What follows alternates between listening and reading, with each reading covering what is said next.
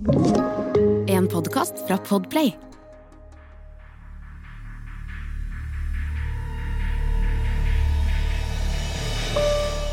Det er en kald novemberkveld i 1974 i Murray, Utah, USA. Husmødre med skjørt til midt på leggen og menn i slengbukser og tighte boblejakker vandrer rundt i et shoppingsenter litt utenfor sentrum. Det samme gjør 18-åringen Carol DeRange, som har kjørt til senteret for å bruke en ellers kjedelig kveld til å vindusshoppe. Plutselig blir hun oppmerksom på en mann i politiuniform som kommer gående mot henne. Han ser snill ut, og nesten klisjéaktig kjekk. Med det mørke håret gredd bakover og et sjarmerende smil. Hjertet hennes slår litt ekstra når han stopper henne. Men på nært hold syns Carol at politimannen hun først trodde var attraktiv, har noe ekkelt ved seg. Og ånden hans stinker av alkohol. Han forteller at noen har brutt seg inn i bilen hennes ute på parkeringsplassen. Og han vil gjerne at hun blir med for å se om tyven fikk med seg noe verdifullt. Carol ber om å få se politiskiltet hans. Men da han tar skiltet opp av lomma, parkerer hun skepsisen og blir med han ut av senteret. Hvis alt hadde gått etter planen, ville ikke Carol vært i stand til å gjenfortelle historien fra den kvelden. Hvordan hun på mirakuløst vis klarte å kaste seg ut av den etter hvert etterlyste Volkswagen-bobla. For allerede senere samme kveld forsvant 17 år gamle Deborah Kent. Og de neste fire årene skulle et trettitalls andre kvinner lide samme skjebne.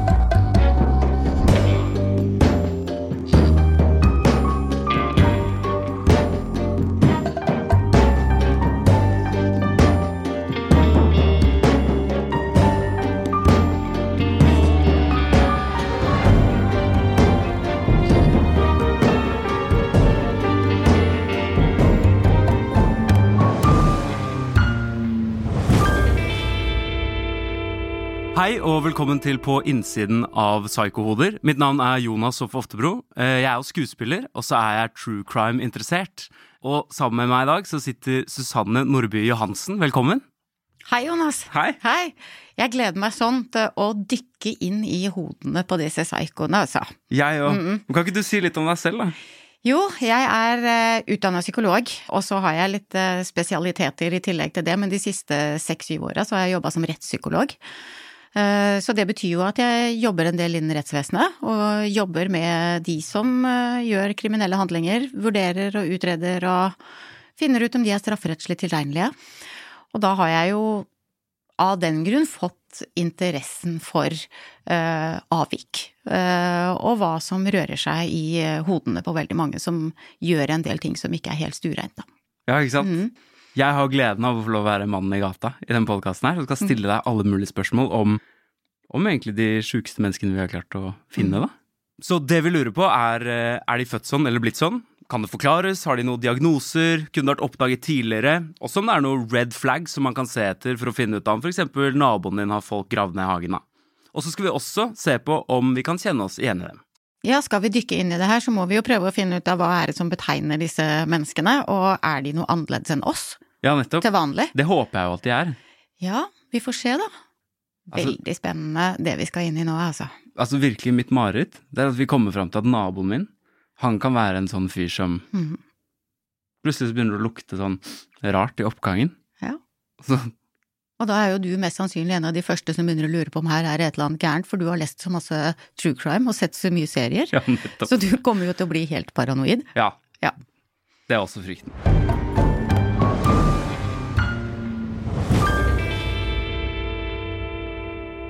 Dagens psykode, første person vi skal snakke om, er jo en av de verste seriemorderne noensinne. Det er Ted Bundy. Og vi har jo valgt han fordi det er så utrolig interessant at han fremstår som så vanlig. Han fremstår som en sjarmerende, ganske kjekk, ganske oppegående fyr som har gjort altså helt sinnssykt forferdelige ting, da, og som bare blir verre og verre og verre. Og verre. Og likevel så klarer han å opprettholde den fasaden Til en viss grad. Ja, til en viss grad, Og da. en liten stund. Ja, og en liten stund. Enig. Til han ble tatt. Ja, til han ble tatt. Men selv i liksom intervjuer med presser og sånn utenfor rettssalen, så står han jo og smiler og ler og Svært sjarmerende type. Ja. Mhm. Vi kunne like han. Ja, vi kunne jo egentlig det. Ja, vi kunne det. Det var det som var så ekkelt. Det var veldig mange som gjorde det òg. Ja. Men du, før vi går ordentlig inn i det, så må vi vite litt mer om Ted Bundy. Historien om Ted startet i Burlington, Vermont i 1946. Faren hans forlot Ted og moren raskt, og de første fire årene vokste han opp med besteforeldrene som omsorgspersoner, og i den tro at moren hans faktisk var søsteren hans. Som femåring flyttet han tilbake til moren, som giftet seg og fikk fire barn med John Bundy. Men Ted fant seg aldri helt til rette med søsknene, inkludert moren sin, som han trodde var søsteren helt til han ble 14 år. Han var i det hele tatt en gutt som slet med å få til ting, og med å passe inn sosialt. På college, derimot, begynner Ted å blomstre, og han får sin første kjæreste, Diane Edwards. Han blir knust da hun slår opp med han etter et år, men begynner etter hvert å jobbe i politikken og forfølge drømmen om å studere juss. I 1973 overtaler han Diane til å bli sammen med han igjen, men denne gangen slår han raskt opp med henne. Året etter starter en helt ny karrierevei, som han kjører parallelt med jusstudier, valgkamp og veldedig arbeid. Nemlig den som overfallsmann, kidnapper og morder. I årene fra 1974 til 1978 drepte Ted minst 30 kvinner i flere amerikanske stater, og han skremte vettet av innbyggerne på stedene han herjet. Han spilte på sjarmen og utseendet og lurte unge kvinner til å hjelpe han med noe, gjerne inne i bilen, og siden var det ingen som så dem. Drapene ble begått i raseri. Han kvelte, lemlestet og voldtok ofrene sine, og gravde dem så ned i en skog utenfor Seattle. Innimellom drapene levde han et tilsynelatende normalt liv med samboer og et bonusbarn. Og han ble også arrestert og satt i fengsel, men klarte å rømme og fortsatte å lure politiet trill rundt mens drapene ble hyppigere og mer og mer groteske. Hans siste offer ble en tolv år gammel jente, før han endelig ble arrestert for godt i 1978. Det er mange kuriositeter rundt Ted Bundy. En av dem er at han insisterte på å være sin egen advokat under rettssakene mot han. Noe som ikke gagnet saken hans, men som ga ham en stor scene å spille på før han mottok dødsdommen i 1980. I januar 1989 tilsto han flere drap, rett før han ble henrettet i den elektriske stol.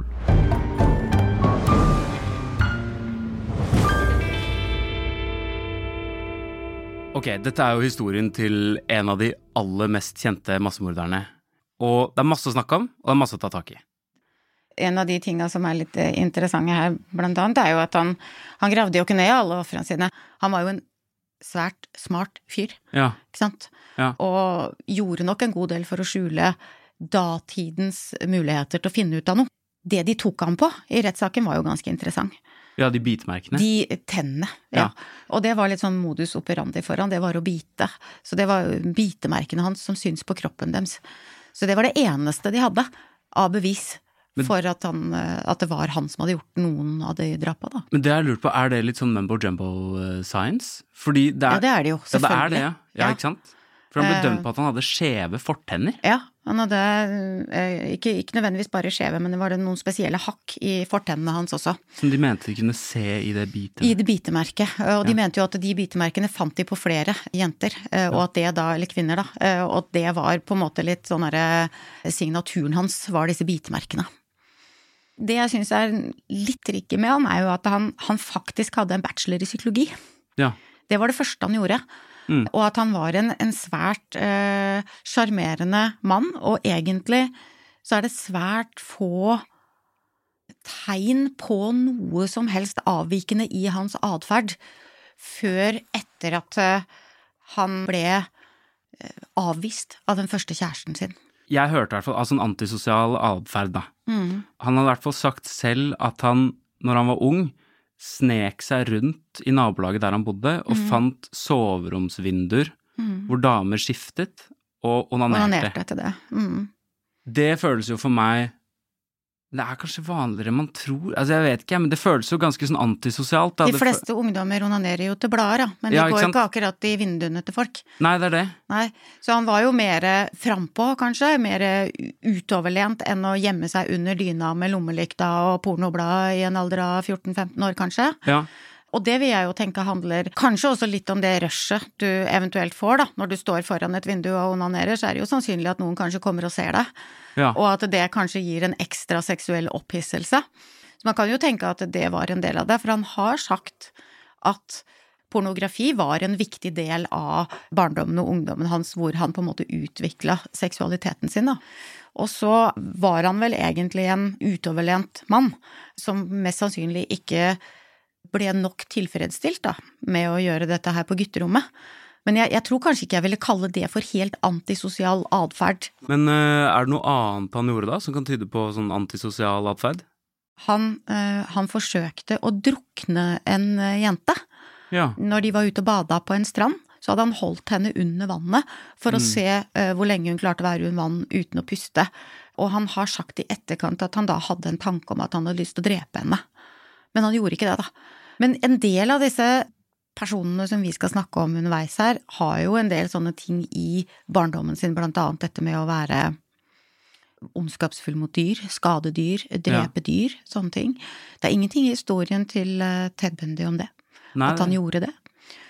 Men det trenger selvfølgelig ikke å være eh, det viktigste. Men når man ser på og utreder og undersøker de som på en måte gjør alvorlige handlinger og, og dreper for seksuell nytelse, så starter det ofte med forsøksstadiet, da. At da ja. begynner man med dyr.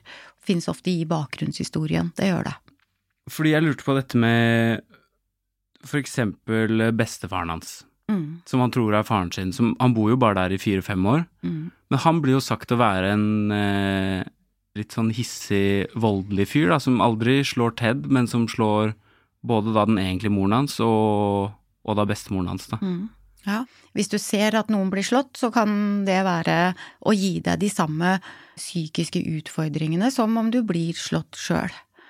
Så hvis denne bestefaren var voldelig, så kan man jo si at han ble påført kanskje en psykisk skade av det, som gjorde at han utvikla seg på den måten han gjorde. Og så er det jo også ganske vanlig å finne at de som observerer vold og blir utsatt for vold, også gjør det selv. Ja. I voksen alder og i, i, ungdom, da. At de også utvikler voldelige tendenser. Men eh, når vi snakker om barndommen hans, så lurer jeg på moren hans, for eksempel, da. Vet du hvordan hun var? Ja. Hun, jo, hun var jo eh, intervjua i flere av disse rettssakene, sammenheng med rettssakene, mm. hvor hun benekter jo på det sterkeste at han har vært utsatt for noe. Han hadde en flott og fin barndom. Ja. En liten ting som er ganske interessant, det er at uh, det ble skrevet en bok om Ted Bundy på slutten, og disse forfatterne, de dro hjem til mammaen og pappaen, eller altså han eh, stefaren, da. Mm og i det momentet når de forteller en del av de tinga som står i den boka, så oppførte mammaen seg veldig spesielt. Fra å på en måte invitere de inn på kaffe etc. Når de skulle begynne å snakke om disse tinga som han hadde gjort, så, så sank hun sammen i fanget på denne ektemannen sin, og så mm. begynte hun å lage noen sånne pipelyder og rare lyder. Og så skjønte disse forfatterne at dette her kanskje var litt vanskelig for henne. Så hun har jo en atferd som er veldig spesiell i ja, ja. den situasjonen. Og så sier de at eh, kanskje vi bare skal la være å snakke om det. Og da bare reiser hun seg opp og så sier hun vil dere ha eplekake og kaffe. Hva er det for noe? Er det total fortrenging, eller? Eller fornektelse, kanskje. Eller det, det gir jo meg noen tanker om at kanskje denne mammaen ikke har vært helt stabil i oppveksten. Når jeg så henne, eller hørte om hennes måte å reagere på, så fikk jeg en følelse av at dette er en ganske, eller har vært en ganske dysfunksjonell familie, ja. hvor ting ikke har vært greit. Selv om både mammaen og, og Ted Bundy sier at dette her Det var ingenting i min familie da jeg vokste opp. Alt var bra. Men for en annen ting som på en måte Som jeg tenker på med Ted Bundy, da. Han blir altså oppfattet av mange på liksom den videregående skolen sin som litt sånn distansert, som om han ikke er helt til stede. Og så når han begynner på college, så snakker han om at han blir bedre på sosiale ting, og det er jo vanlig, selvfølgelig. Mm. Men det er et eller annet med den derre tillærtheten som gjør at det, det, føles nesten som om han har en litt sånn mangel på sånn eh, følelsesliv. Han er liksom så distansert, så kuttet av fra det som egentlig er, og så, så lærer han seg å på en måte interagere med andre mennesker, istedenfor at det er et eller annet som kommer til han sånn naturlig. Mm. Det sier han selv også. Men han var jo eh, kjæreste med en person over en tid, og han klarte ikke å føle noe for henne. Nei. Så det ligger jo noe i hans, det vi kaller for konstitusjonelle oppbygning, Ja. det er vanskelig ord da, men personligheten hans kanskje, og empati, altså medfølelse for andre mennesker, det å føle og kunne klare å kjenne på andres følelser. Ja. Hvor han i ungdomsåra, når vi utvikler oss, så er vi jo i ungdomsåra i en brytningsfase. Det vil si at vi kjenner ikke oss selv, og vi kjenner ikke andre, og vi lærer å kjenne oss selv underveis, sånn at når vi kommer over på ut ungdomsskole og over i college, så begynner vi på en måte Da har vi utviklet intelligensen vår, på en måte, og, og den personlighetsstrukturen. Så da kan det godt hende han lærte mer hvordan han skulle relatere til andre mennesker. Han skulle være blid, han skulle være sosial, han skulle ta de inn i varmen. Ja. Men det klarer han ikke når han er i ungdomsskolealder, fordi at da er han ikke moden nok til det. Nei. Og det får jo meg til å tenke at han kan ha hatt noen utviklingsvansker, som vi kaller det, Ja. hvor empatien er forstyrret helt fra starten av. Altså, da blir det store spørsmålet er han født sånn, eller er han blitt sånn? Jeg ville vel fått nobelprisen hvis jeg hadde klart å finne ut av hva som var medfødt og hva som var blitt sånn, Ja. eller at man miljøet. Men det er ting ved Ted som sier noe om at han kanskje har vært sånn helt fra starten av, men at han også da har lært seg noe i form av at han er vokst opp i det miljøet han er, da. Ja. Mm. Det at han vokser opp med å tro at moren hans er søsteren hans, fram Ja. til han er 14 år, må jo også føles utrolig rart at du vokser opp de fire første årene med de du tror er foreldrene dine, Mm. og så skal du bli adoptert av søsteren din, som oppdrar deg sammen med sine fire barn, Mm. og så finner du ut at du egentlig er hennes barn. Han må jo nødvendigvis ha følt at han ikke passa inn. Ja, og kanskje Ja. også at man ikke kan stole på de man har rundt seg, da, i nære relasjoner. Hvem er mine nære relasjoner, egentlig? Og det er klart at hvis du, når du er 14 år, da, og finner ut av det, Mm. Så, så lurer du jo på hva som har skjedd opp igjennom. Hvorfor har ingen sagt dette til meg? Og det føyer seg vel kanskje bare inn i noe av det som var ustabilt for han opp Ja. igjennom hele oppveksten, Ja. og som kanskje har gjort han følelsesmessig ustabil òg.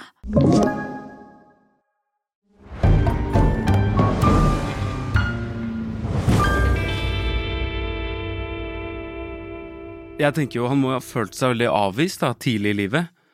Og så har han jo denne kjæresten på college, for eksempel, som jo også blir en slags form for avvisning, da, gjør det ikke det? Hun, eh, kjæresten hans, Ja. eh, som han da hadde et eh, forhold til, de flytta til forskjellige byer. Mm. Hun flytta til et annet studiested enn han. Og den avvisningen som han da opplever på nytt igjen, virker å være triggeren for når han begynte å drepe. Ja. Og kanskje det ikke nødvendigvis er forakt for kvinner, men mer at han blir avvist og neglisjert Ja, av disse kvinnene som han egentlig føler at han ønsker å ha et forhold til. Men Ja. så klarer han jo egentlig ikke det. ja, Hvis jeg skal få lov å kaste ut en lekmannteori her, Ja, gjør det. så føles han jo som en person som prøver å finne ut av hvem han er, og som prøver å på en måte eh, lage en plass for seg selv, og så bare feiler han på en måte gang på gang på gang, da. Ja. Han feiler hos besteforeldrene sine, så feiler han hos moren og faren sin, når han er ung så passer han ikke inn på ungdomsskolen med de rundt seg, på college så møter han denne første kjæresten, men hun er fra en annen klasse enn han, og så flytter hun fra han til San Francisco, og han blir værende der. Det at hun var fra en annen klasse, det er litt interessant, for det tror jeg handler noe om hans personlighet og ønske, og Ja. det er nok en av grunnene til at det var så vanskelig for han å bli avvist av henne. Det var at han ønsker å klatre på den sosiale rangstigen. Ja, det er det, han vil liksom Ja, definere vil opp, seg selv Han vil være noe vellykket, Ja, og han skal være sett på. Ja. Det handler jo også om hans Etter hvert så vil jeg tenke at dette utvikler seg til en narsissistisk personlighetsforstyrrelse. Men den avvisningen fra den sosiale klassen gjorde at det ble så fryktelig vanskelig. Det var ikke forakt for henne, men det var det at han ikke da kom oppover på stigen. Ja, og det, det er der på en måte lekmannteorien min kulminerer òg. Fordi først så går hun fra han, kjempeforakt, men han bestemmer seg for ok, jeg skal prøve igjen. Og så han begynner med politikken, han begynner å få livet sitt liksom litt i gang, det ruller.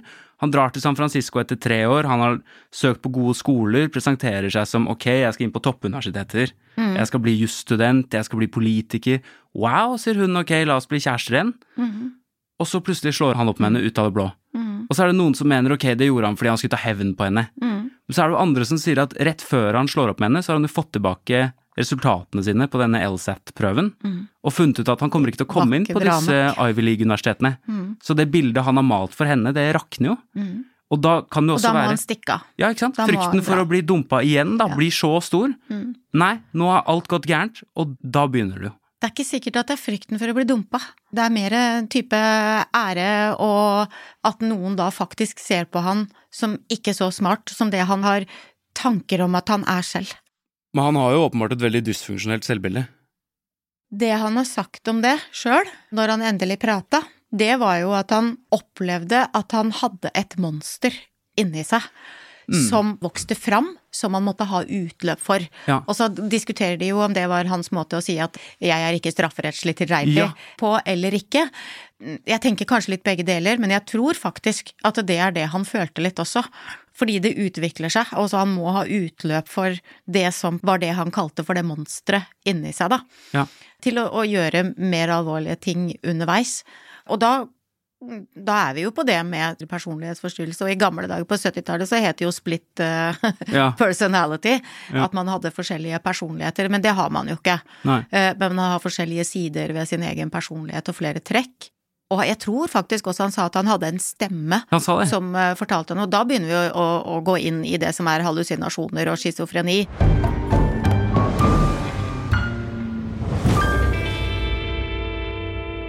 Ok, så for å oppsummere litt grann da. Vi vet jo at han har hatt en eh, kjip oppvekst og barndom. Han har hatt et vanskelig kjærlighetsforhold, han har vanskelig forhold til liksom, ja, nesten i alle nære relasjoner, da. Men det jeg lurer på, det er em, det punktet hvor det tipper. Altså, hvor går du fra å være en som er krenka eller misforstått eller har det kjipt, til å drepe noen, da? Eller prøve å drepe noen? Det er fryktelig vanskelig å svare på, men noe av det tenker jeg handler en del om det vi snakka om i stad, barndommen hans, egentlig.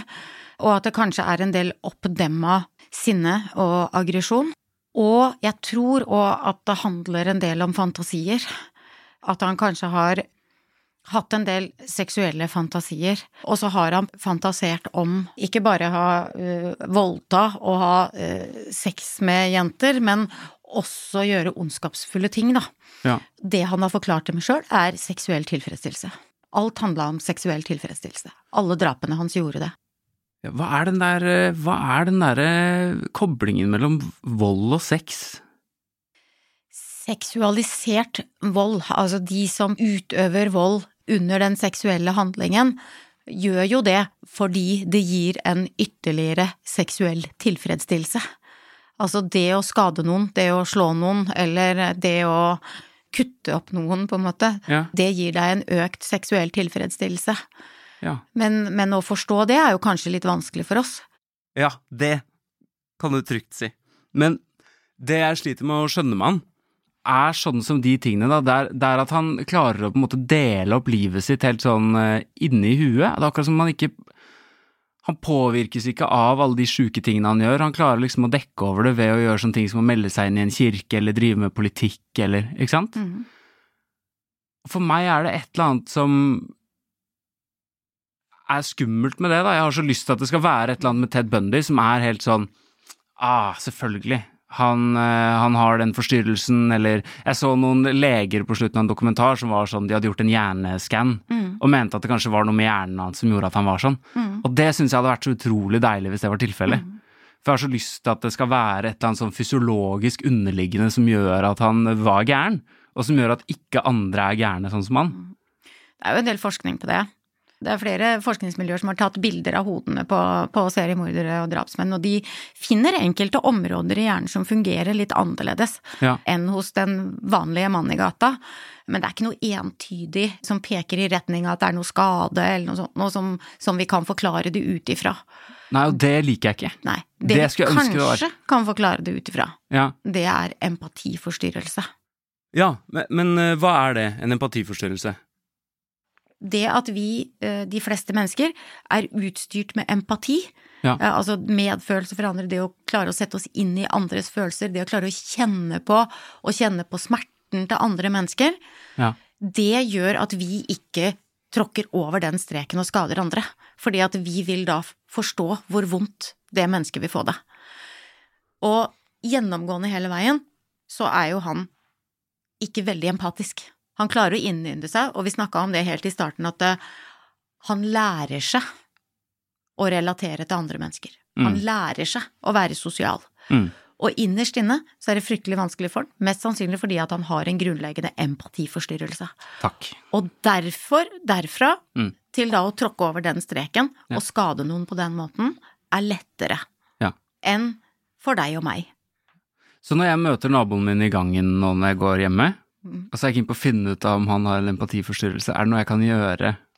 Kanskje du skal stelle deg opp og gråte eller et eller annet sånt foran postkassa over en forferdelig regning du har fått eller noe sånt, Ja. og se om han bryr seg. Ja. Ja, for hvis han bryr seg og Ja. kommer og stryker på deg og spør om du har det bra, Ja. så vil det si at han klarer å sette seg inn i om du har det sånn, om du, hvis du har det dårlig. Ja, ja, ja. Så da er det i hvert fall et signal om at han kanskje ikke er helt empatiforstyrra. Det vanskelige med det er jo selvfølgelig at hvis han ikke er empatiforstyrret, så virker jeg litt rar da når jeg står Det gjør der. du. Ja, det. men, men det er mye rart i verden som ikke, ikke er avvikende, da. Ja. Nei. Men den vanlige mannen eh, i gata ser vi jo ikke dette på. Nei. Nei. Og det med han da, som også har de ferdighetene, at han klarer å, å lese signaler til andre mennesker og forholde seg til andre mennesker på en svært god måte. Mm. Hvis ikke du da lener deg litt tilbake og ser på atferden hans og, og ser at dette her er veldig narsissistisk, og han gjør alt for egen vinning.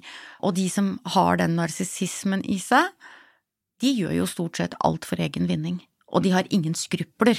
Og det er jo også fordi at de ikke har empati. Mm. De vil jo bare oppnå ære, berømmelse, bli sett på. Og det kan jo også være en av grunnene til at han dreper, er jo fordi at han ønsker å bli sett. Mm. Ikke bli tatt, og Nei. ikke få straff, men han ønsker å bli sett. Ja. Han ønsker å bli beundra. Men apropos å ville bli beundra, så lurer jeg på, i rettssalen så velger han jo å representere seg selv. Certainly, I could, uh, I mean, I could get up here and, and examine every single witness for the defense. There's no question in my mind that I could do it. That is, the what's the question in my mind is whether I could do it well or not. Big question in my mind too, Mr. Bundy, but that does not, that's not. Og han har masse sånn han, For det første er han jo egentlig ikke ferdig utdannet advokat, så det at han får lov til å gjøre det, er jo ganske oppsiktsvekkende. Og så starter han jo hele rettssaken hvor de tror at de skal inngå en plea deal, hvor han slipper dødsstraff, men han reiser seg og går til angrep på sin egen advokat og begynner å forsvare seg selv. Og ofte så går han ikke på sak, men han går på ting som at liksom lyset i cellene hans er for dårlig, eller maten er for dårlig, han blir trakassert og Det virker ikke for meg som en Det virker som show, da. Det virker som et slags sånn se på meg Og så vet jeg ikke om det er eh, stormannsgalskap, om han tror at han faktisk liksom Om han tror at han skal slippe unna med det her. Jeg tror han tenkte at han skulle slippe unna med det. At det var målet, eh, ved å representere seg sjøl. Ja, for det føles jo virkelighetsfjernt. Ja, og jeg tror ikke han helt hadde innsikt i egen atferd. Jeg tror ikke han helt så sin egen rolle, og det er jo et element i en, en sånn psykisk sykdom. Det er å ha mangel på innsikt i hvordan du kommer fram med din personlighet, og den grandiositeten, som du sier, eller stormannsgalskapen som han, eller tanken om å bli beundra. Han fikk jo en kjempearena Ja. og bli beundra på, og da måtte han jo gjøre noe. Ja. Og han, det han sa, var jo at eh, jeg hadde jo aldri tenkt å kjenne meg skyldig i dette her. Så han spiller jo et spill hele veien for å komme fram sjøl. Og det Ja. er den grandiose. Eh, Men han hadde jo dårlig innsikt i den atferden, hvordan han eventuelt påvirka en jury da, med den atferden. Ja, og For de så jo gjennom han. Ja, og litt i hvordan han fremstår òg, vil jeg si. Fordi altså, sånn som i intervjuer, så det, Altså, kanskje er det etterpåklokskap, men det blir jo sagt mye at han er så sjarmerende og sånn.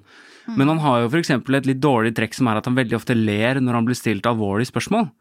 Og det for meg fremstår jo som om han egentlig skjuler at han har en beste forsvaret vi har, det er å flire bort noe. Ja, Det er å le bort det som de, den andre sier. og det gjør han hele tiden. Dekker vi oss sjøl. Og så svarer han jo på utrolig sånn eh, advokatmåter. Har du gjort noe kjipt i livet ditt? Så gjør han sånn Ikke med tanke på det du sikter til, men eh, Og så blir det sånn. Men han hadde jo gått på, på jusstudiet, og han har jo også tatt psykologi. Så Ja, at ja. han har jo lært seg en del strategier underveis for å komme unna.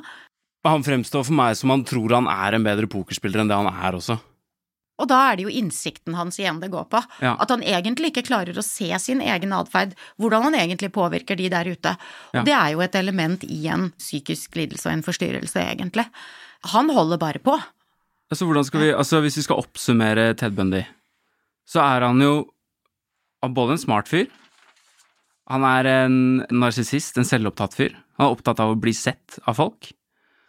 Han er god på å dele opp det han holder på med. Mm. Han er åpenbart utrolig voldelig, og han har mangel på empati, og han har jo da også på en eller annen måte en litt sånn feilaktig virkelighetsoppfatning. Mm. Hvert fall når det gjelder liksom sitt eget bilde av seg selv. Ja.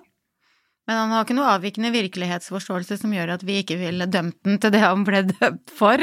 Nei, ikke sant. Og da lurer jeg på, nå nærmer vi oss slutten, um, hva ville du konkludert med? Jeg tenker jo at eh, alt handler om personlighetsforstyrrelse her. Altså det er det narsissistiske trekka, og det er det dyssosiale. Altså det, og dyssosialitet handler jo om at ikke du forholder deg til samfunnets normer og regler i det hele tatt. Og du gjør det gjentagende uten at det påvirker deg, og uten at det påvirker eh, noe for deg selv, men, men det har påvirkning på andre. Han er impulsiv. Han gjør nok en del ting i en impulsiv fase. Altså du ser litt i retten at han har noen sånne tendenser til å snakke litt før han egentlig tenker seg om, og så drar han seg inn igjen. Ja. Og da skjønner han at dette blir dumt. For da er han såpass innsiktsfull at han skjønner at dette blir gærent, og så henter han seg inn igjen. Ja. Han er irrasjonell, sånn som du sier. Altså at eh, det, det er ikke For oss så er det ikke logisk, men det er en logisk tankegang hos han. Ja. Og så er han jo svært manipulerende. Vi har jo egentlig ikke snakka om ordet manipulerende, men det, det er jo det han forsøker å gjøre hele tida. Det er jo å manipulere. Ja. Og har du alle disse trekka, så er du absolutt strafferettslig tilregnelig og bør få straff for det du har gjort. Ja. Men kanskje ikke dødsstraff, da. Så han er såpass gæren at vi trenger ikke å bekymre oss for å møte en Ted Bundy, liksom, i nærområdet vårt. Det tror jeg ikke. Nei. Men hva er det det går an å kjenne seg igjen i, da? I Ted Bundy? Alt. Alt? Ja. Kjenner du deg ikke igjen i alt, unntatt drap, eh, drapsbiten, kanskje, Jonas? At du kanskje ikke ville drepe noen, men du kjenner deg igjen i å ønske om å bli beundra. Ja, ja. Ja. Og du kjenner deg igjen i ønsket om kontroll, altså ha kontroll over omgivelsene dine. Ja, Ja, ja. til en viss grad. Til en viss grad. Ja. Ja. Ja. Hvis noen styrer deg veldig, så blir du nok litt irritert. Ja. Forteller deg hva du skal gjøre i alle sammenhenger, eksempel. Men jeg ville jo tenkt at jeg på en måte skulle prøve å heller liksom slippe taket enn å liksom gripe hardere fast, da. Mm. Ja. ja. Og da er det en del av deg som gjør at kontroll kanskje ikke er så viktig for deg. Ellers er det Men- selvforsvar nå. Ja, du sitter der borte nå og tenker at det her, jeg skal ikke kjenne meg igjen i det her, for jeg er ikke en sånn. Nei, Men du liker å bli beundra. Du står på scenen, sant. Du er skuespiller, du liker at folk ser på deg. Jeg må innrømme det. Ja. Altså, det som jeg syns det går an å kjenne seg igjen i, er det derre ønsket om å på en måte få til noe, og så gå på liksom smell etter smell. Nå føler jeg at jeg har vært heldigere enn det han på en måte var, da. Men det der med å prøve å bygge seg opp, liksom, og prøve å få til noe, og så aldri klare å få det til, det kan jeg liksom i hvert fall sette meg inn i at må gjøre sjukt vondt. Da. Det du egentlig sier nå, er at du syns litt synd på han. For at han egentlig ikke kom dit han ønska. Fram til han er 22, så syns jeg synd på han. Ja. Kanskje. ja. Og Ja. hvorfor gjør du det? Fordi jeg ikke har empatiforstyrrelse. Den er bra, Jonas. Den er kjempebra. Ja, det er fordi du ikke har empatiforstyrrelse. Det tror jo jeg også. Ja. Men tror du det kan være et element i han? At du blir påvirket av han? Altså Han har manipulert du- meg også? Ja, Post mortem. Ja, at du på en måte via det å på en måte bli kjent med han over tid, så vil du leite etter ting.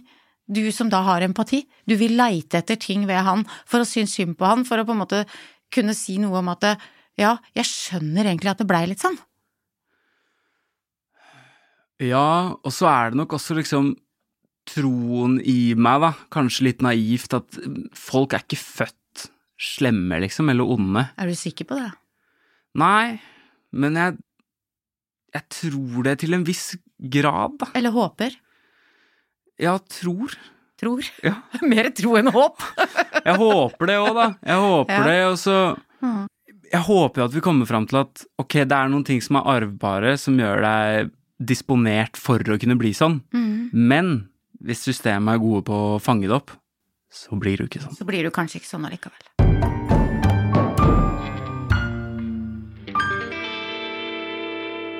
Tusen takk for i dag. Eh, Susanne, det har vært utrolig lærerikt og fint å prate med deg. Jeg gleder meg til neste gang. Eh, og jeg er litt mindre redd for naboen enn eh, det jeg var når vi begynte, så det er bra. Og eh, til deg som har lyttet, jeg håper vi høres igjen. Toodaloo, motherfuckers!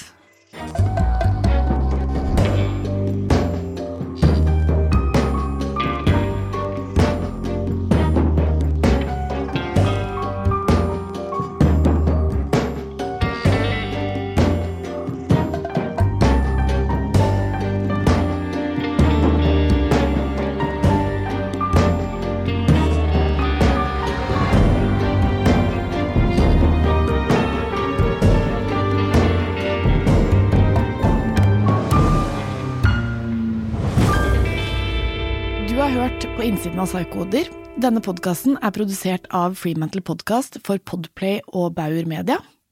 Programledere er Susanne Johansen og Jonas Oftebro. Produsent er Kjersti Kvam. Og musikk og lyddesign er laget av Espen Rogne. Du har hørt en podkast fra Podplay. En enklere måte å høre podkast på. Last ned appen Podplay, eller se podplay.no.